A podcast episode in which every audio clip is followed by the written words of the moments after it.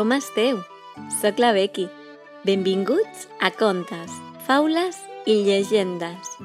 Poseu-vos còmodes, agafeu fort el peluig, al papa o a la mama i prepareu-vos, que comencem! Avui explicarem la llegenda que hi ha darrere dels gegants d'Esplugues de Llobregat. Aquesta llegenda té lloc fa més de 500 anys, a la petita vila d'Esplugues, i explica la història de dos enamorats. Esperem que us agradi molt i pugueu conèixer els gegants que surten a ballar per la festa major. El títol és La llegenda del cavaller Picalqués.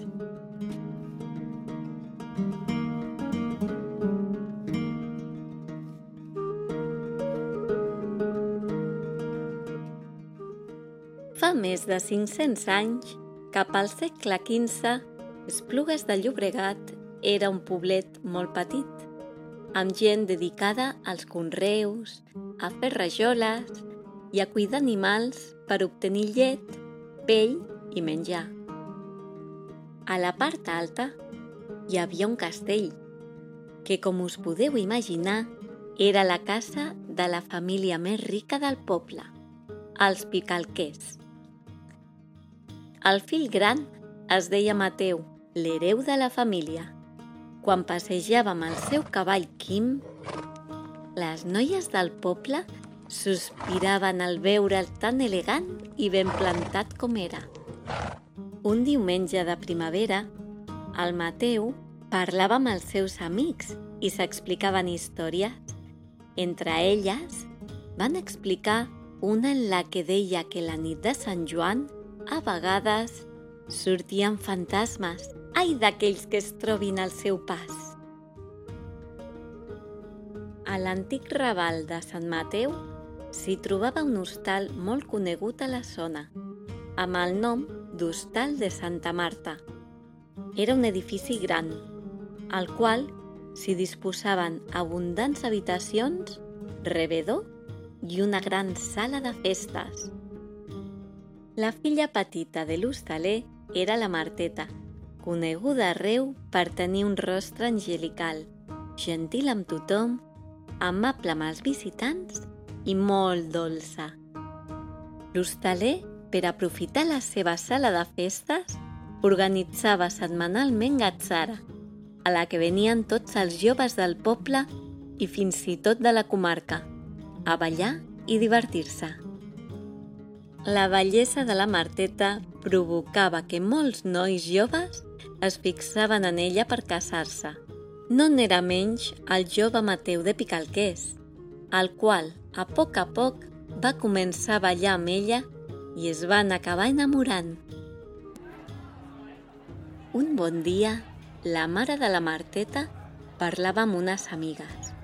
Aquestes li comentaven que veien a la seva filla i al jove cavaller molt enamorats. Quan la mare del Mateu, que estava a prop, ho va sentir, es va enfurismar i va bramar. El meu fill mai es casarà amb una pobilla d'un hostaler. No serà mai desposat amb una serventa de vianants i carreters. Cada ovella amb la seva parella.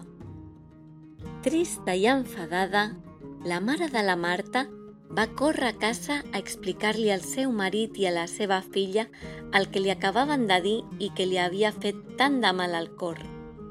Arribant a la conclusió de dir-li a la Marta que no ballés mai més amb el Mateu. La Caterina, una minyona gitana que treballava a l'hostal i millor amiga de la Marta, va escoltar la conversa. Un matí, la Caterina contemplava trista la pena que estava passant la seva amiga. Havia de fer alguna cosa per tornar a veure-la feliç.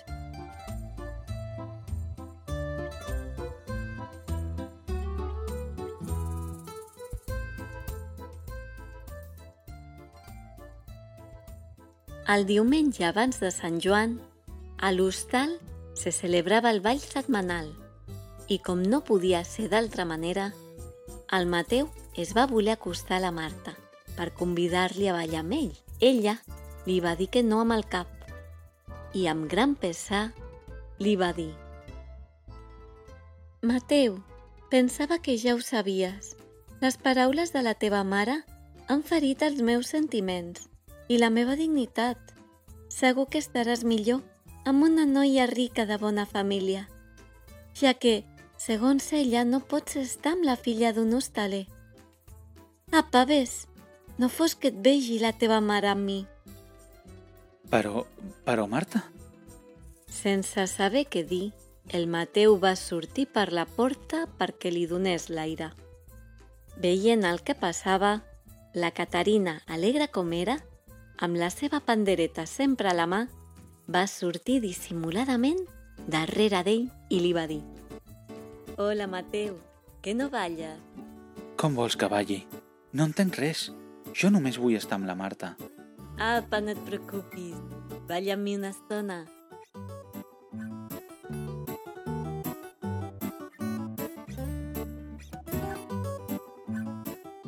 Mentre ballaven, ningú sap què li deia la Caterina. Però veient-los, la conversa semblava molt animada. Els dos reien com si es coneguessin des de ben petits. Mateu, no pateixis. La Marta t'estima de debò. El que passa és que, per no tornar a sentir a la teva mare, ha preferit que no us veiés junts. Al cap d'uns minuts van deixar de ballar i el Mateu va dir Recorda, ens veiem la nit de Sant Joan a les ruïnes del monestir de Santa Magdalena. Somrient, la Caterina va respondre Mentre no apareguin aquells fantasmes dels que parles...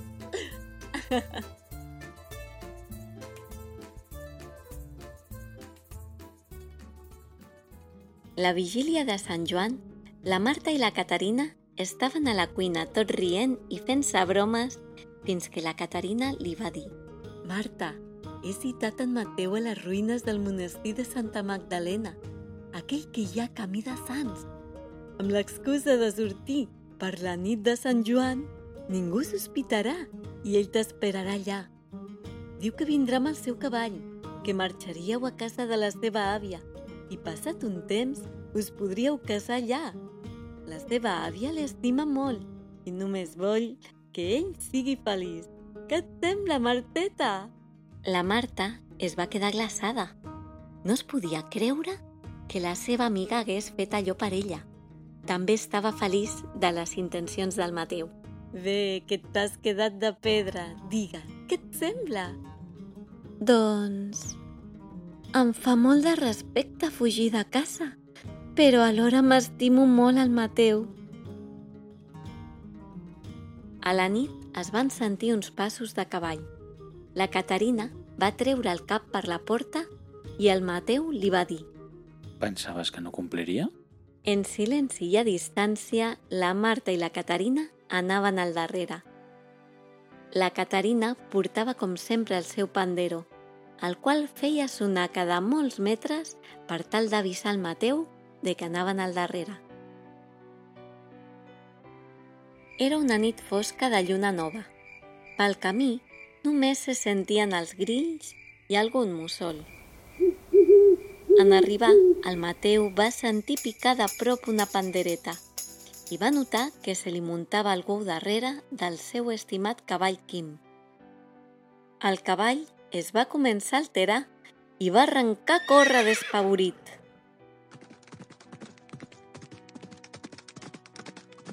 Ets tu, Marteta? Ningú responia. El cavall Quim corria i corria nerviós. Al galop i sense control.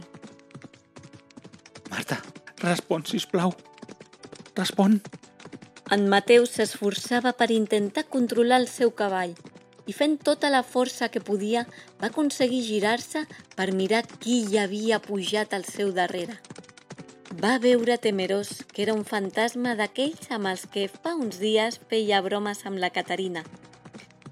Va deixar les regnes del cavall i va intentar agafar-lo per fer-ho fora del cavall, però de sobte es van precipitar per un abisme.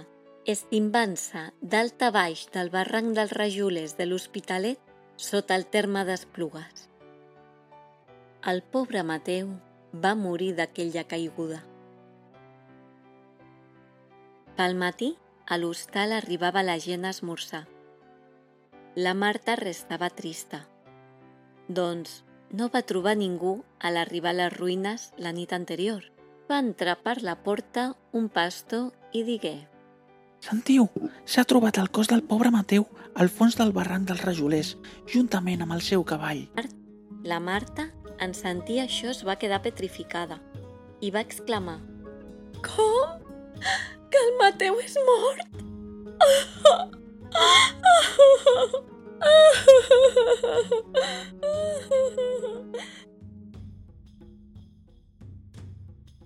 Trista, tres mesos després, la Marta va deixar l'hostal i va decidir ajudar els més necessitats tenint cura dels malalts. Els seus pares encara volien que es casés amb algun noi, però ella no era capaç d'estimar ningú com va estimar el Mateu. I per recordar aquests personatges de la molt antiga Esplugues, a la ciutat d'Esplugues hi surten a ballar cada festa major els gegants de la Marta, el Mateu, la Caterina i el cavall Quim.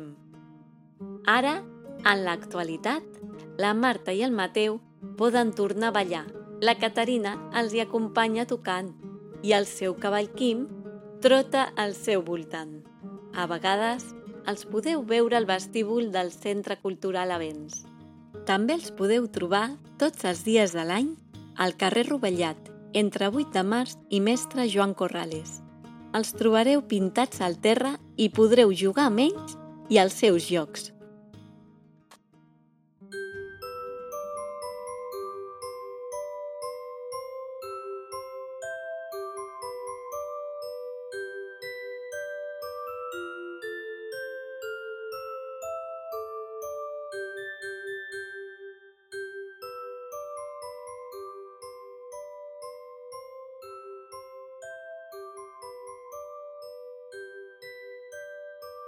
Agrair a la Isabel d'Esplugues FM per fer-nos aquesta proposta i facilitar-nos documentació.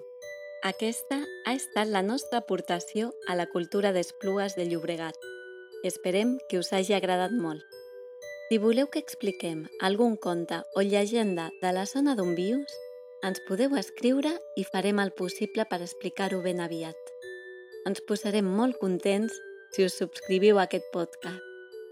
Així us podrem avisar quan fem un altre i no oblideu compartir-ho si us ha agradat. Us esperem al nostre perfil d'Instagram que teniu a la descripció. Ens trobem en un altre conte i, com sempre, seguiu somiant!